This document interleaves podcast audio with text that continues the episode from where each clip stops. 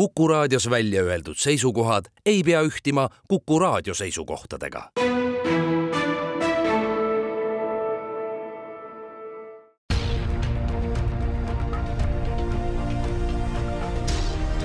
uue samba taga. sammaste taha aitab vaadata sajaaastane eestikeelne rahvusülikool tere, täna on meil külas Alma Materi neuropsühhofarmakoloogia õppetooli juhataja, professor Jaanus Arro, kes aastaid uurinud aju neurokeemilisi protsesse ja selle seoseid käitumisega ning seda nii katseloomadel kui inimestel. juttu veab Madis Ligi, kuid te olete ka praegu külalisprofessor teispool Soome lahte. millega seal tegelete? Tere, jah, see on õige, ma praegu käin äh, Helsingi ülikooli vahet ja täna õhtul lähen jälle laeva peale. kui pikk see periood on? ma olen Sigrid Juseliuse fondi külalisprofessor. Äh, Mart Saarma, kelle nimi on eestimaalastele üldiselt tuttav, esitas mu mõned aastad tagasi sellele positsioonile ja fondi nõukogu niimoodi otsustas ja see on üks niisugune amet, mis eeldab poole aasta veetmist äh, seal, kuhu see professuur parajasti tehakse, aga, aga see kokku pool aastat võib olla jaotatud kahe aasta peale. ja minu jaoks hakkas see peale tegelikult aastal kaks tuhat üheksateist, nimelt äh, Sigrid Juseliuse fond määras mulle külalisprofessori staatuse teiseks perioodiks veel, see on üks nende jaoks seni uus asi, aga, aga keelatud see ei olnud. ja nüüd, kui ma veel mõne nädala Helsingis olen, siis tuleb mul kokku tõepoolest viimase viie aasta pealt terve, terve aasta Helsingis Soomes olek tähendab ühtaegu nii õppetööd kui teadustööd? teadustööd eeskätt õppetööks võib ehk nimetada seda, et ma mõne loengu olen seal pidanud, aga mitte rohkem ja need on ka olnud minu enda töö erinevatest aspektidest, mitte ainult sellest, mis pärast ma seal olen, aga, aga kokkuvõttes on see ikkagi teaduslik töö.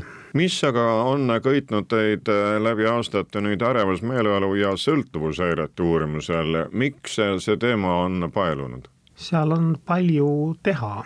ma õppisin arstiteaduskonnas ja olin ajust huvitatud ja sattusin kõigepealt tudengina vabatahtlikku uurimistööd tegema biokeemia alal, ajubiokeemia alal ja siis äh, natuke sealt edasi psühhiaatria ja farmakoloogia kateedrite juurde ja viimase juurde ma jäin pidama ja siis tegelesin ma õigupoolest kõigepealt kõige rohkem psühhoosivastaste ravimitega.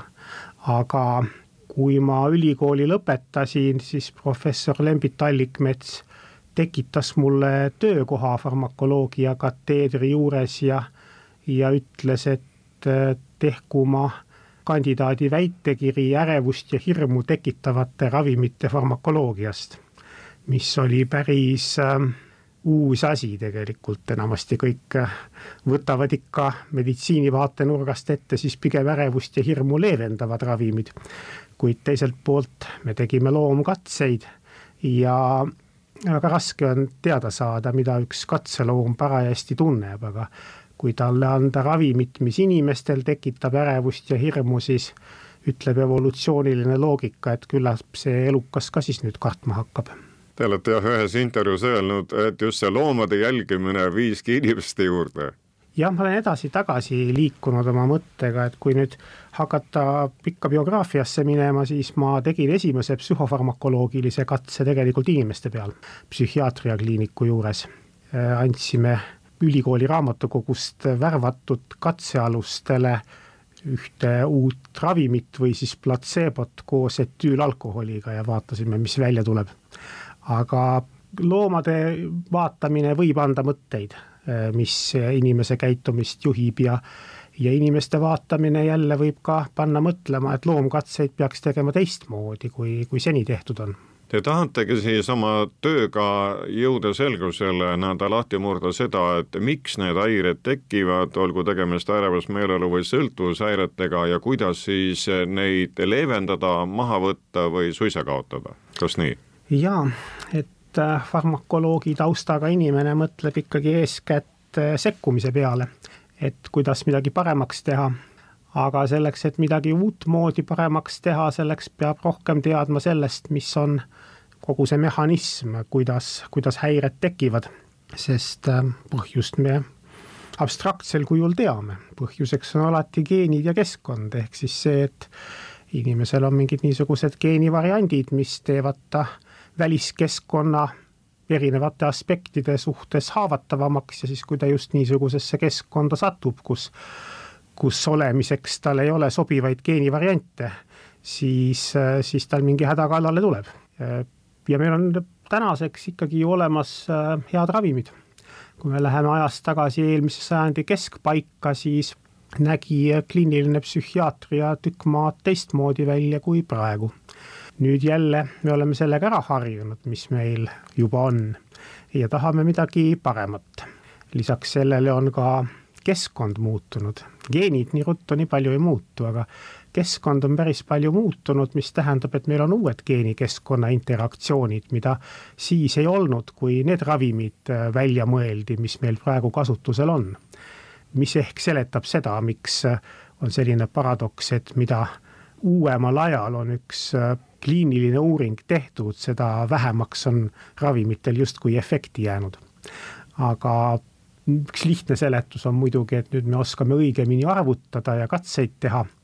teine seletus on, et see, mis ajus toimub häire puhul, ei ole enam päris see, mis varem oli. me oleme õppinud keerulisemalt mõtlema. kas olete siis jälje kätte saanud, et kellele, miks need häired tekivad? mingi tõenäosusega me oskame seda öelda tõepoolest, et, et kellel tekib, aga, aga see on väga tõenäosuslik, selle pealt ei saa kedagi ravima hakata ja sellepärast me peame rohkem, rohkem teada saama ja vahel ka hea õnne peale proovima uusi raviprintsiipe, mida on, on ikka tulnud juurde. meie ravimid seni, kui rääkida psühhiaatriast, on eeskätt sihitud nende valkude vastu, mis mõjustavad otse kahe närviraku omavahelist vestlust aju töötab nii, et üks närvirakk tahab teisele midagi öelda, siis ta teeb seda keemiliste keelte abil, mingid keemilise aine molekulid vabanevad ja need tuntakse ära ja siis, et äh, kogu aeg ei oleks üks blablabla bla, siis on olemas teised äh, molekulid, mis tassivad need keemilise keele sõnad varjule ära, hoiule uueks kasutamiseks. praegused ravimid neid sihtmärke peaasjalikult tabavad, aga ajus on veel huvitavaid Äh, molekule, valgumolekule eeskätt, mis äh, saavad äh, mõjustada seda, kuidas, kuidas psüühika pikemas perspektiivis kujuneb ja mis on tema vastupanuvõime elule. ja lõpuks seal peale valgumolekulide veel huvitavaid molekule, näiteks need, mille alusel valgumolekulid tekivad, ehk siis päriliikusainest, DNA-st valgusünteesini vahepeal on veel ribonukleinhappe.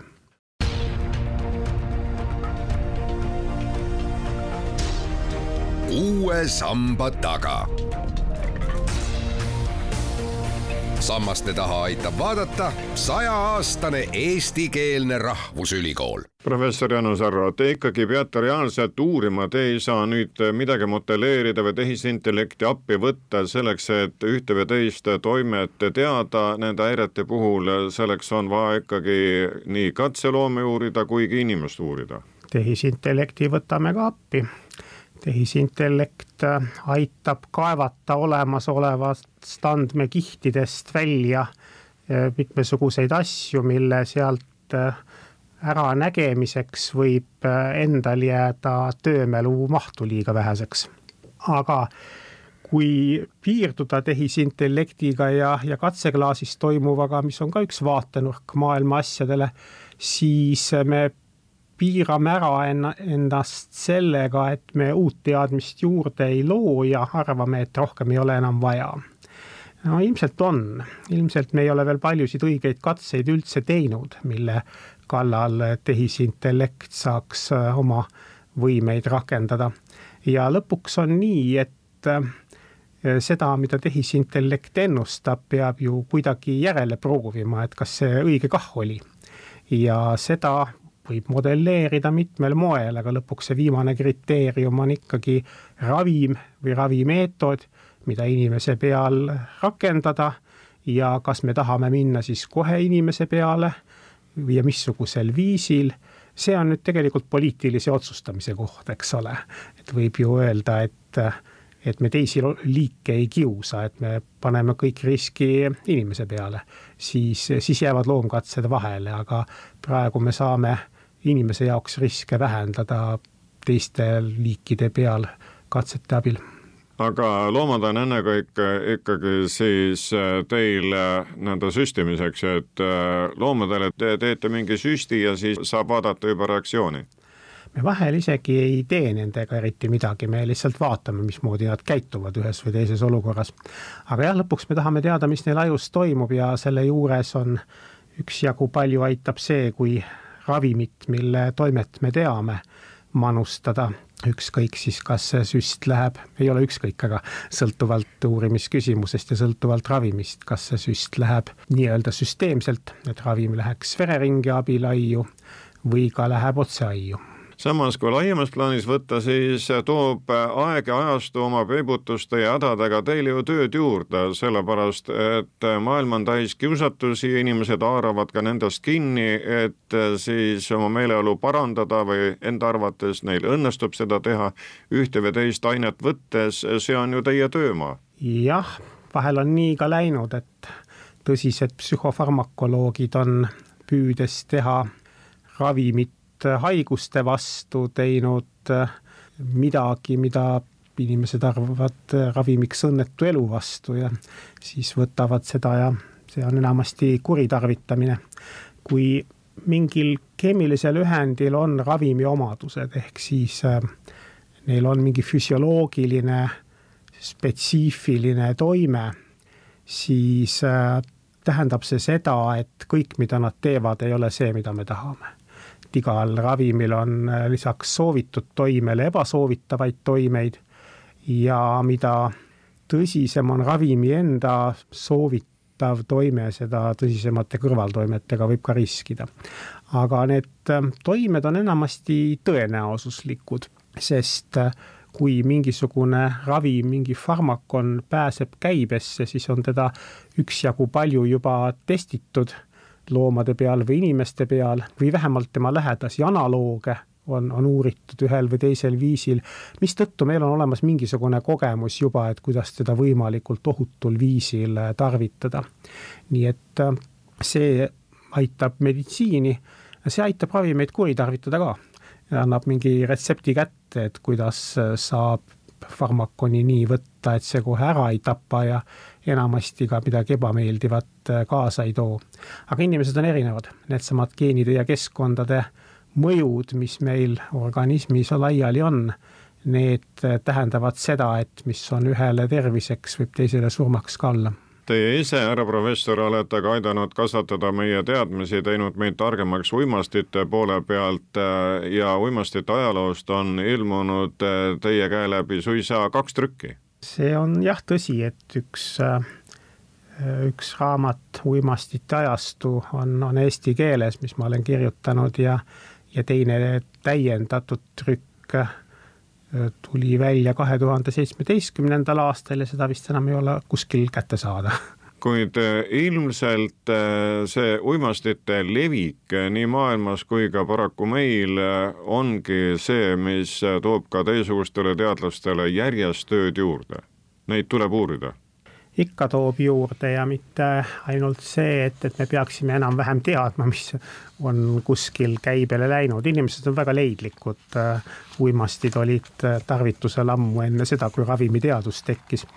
aga ka need tagajärjed, mis selliste ravimite kõrvaltoimetest tekivad, need annavad õieti väga palju tööd juurde, sellepärast et ravimitel on kõrvaltoimed ja ja kui nad kohe välja ei tule, siis nad tulevad kunagi hiljem välja, sest äh, uimastitel see omadus on, et nende tarvitamise juurde inimesed kipuvad kinni jääma. ja sellel on pikapeale ikka tagajärjed ja siis tuleb neid ravima hakata kui me rahvusvahelise plaaniga alustasime, siis sellega ka lõpetame, sellepärast et äh, nende häirete uurimine ja äh, võimalikud äh, siis edasised arengud on teil ka mitme rahvusvahelise projekti sisuks, koostöö sisuks. mis siis on juba tulemuse andnud? kui te mõtlete nüüd niisugust asja, millest on juba käegakatsutavat kasu, siis on see minu töö puhul paradoksaalne me oleme arendanud välja ühe meetodi, mida peaks nimetama pigem psühholoogiliseks sekkumismeetodiks ja see on tõepoolest aidanud Eestis vähendada eh, liiklusõnnetusi ja mitte ainult Eestis. aga ravimitega on nii, et eh, farmakoloog mängib ruletti kogu aeg. ma olen kunagi hästi noorelt sattunud ühe hästi lootusrikka teema peale, kust äh, oleksid justkui võinud tulla väga mõjusad ravimid, vähemalt pool tosinat suurt äh, farmaatsiakontserni, kontserni investeerisid uute ravimite loomisele selle suuna pealt ja sealt ei tulnud ravimit, ei osanud õigesti ennustada. aga peab proovima uuesti, ravimiarendusega niimoodi lähebki, et, et sa ei tea, kas, kas ravim tuleb või mitte, me töötame praegu ühe täiesti uue printsiibi kallal, kust me ka ei tea, kas niisugust ravimit tuleb, mida inimestele saab lõpuks anda. ravimitel on kõrvaltoimed, nagu öeldud, ja me ei oska neid ennustada nii hästi. aga me saame vähemalt tükk maad rohkem jälle teada. aga mis küsimus endal praegu nagu kibeleb, millele vastust otsite? meil on neid äh, natuke liiga mitu korraga käsil. projektipõhine maailm tähendab, et sa teed aeg-ajalt jälle uut asja, aga kui vana asi on selline, et et ei lõpe lihtsalt sellega, et kirjutad ühe aruande ja nüüd on jälle raha ära kulutatud ja kõik tehtud, vaid tegelikult leidsid midagi selle projekti lõpuks, mida on vaja edasi uurida, siis püüad seda poolsalaja edasi teha. nii et meil on päris mitu erinevat põhjaõnge sees, alates sellest, kuidas muuta psüühikat epitransskriptoomi otsese mõjustamise kaudu kuni selleni, et kuidas muuta isiksust. see problemaatika on ikkagi väga tänapäevane. küllap ta tänapäevane on, aga ega ta on igavikuline. Need küsimused olid varem olemas ja me vaatame seda, mida, mismoodi varem teadmisi saadi ja vaatame, mismoodi edasi läheb aitäh teile, Tartu Ülikooli neuropsühhofarmakoloogia õppetooli juhataja, professor Jaanus Arro, kes ühtaegu ka peale Tartu ametis praegu külalisprofessorina teispool lahte, küsija oli Madis Ligi.